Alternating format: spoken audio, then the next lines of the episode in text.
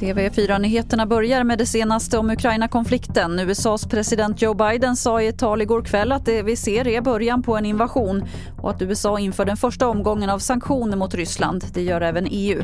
Frågan är hur Ryssland kommer att hantera sanktionerna. Utrikeskommentator Rolf Porseryd. Jag tror man måste avväga en del och se hur utvecklingen ser ut. Men de här sanktionerna är ju så att säga inte fullskaliga. Både USA, Nato och Europa, EU har ju mer ammunition om Putin går vidare i sina militära aktioner inne i Ukraina.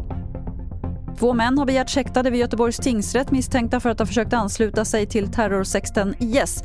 De greps och anhölls på Landvetter i lördags när de skulle lämna landet. De misstänks för brott med kopplingar till våldsbejakande islamistisk extremism och häktningsförhandling ska hållas nu på förmiddagen. Rekordmånga nya ärenden har hamnat på tidningen Råd och Röns svarta lista i år.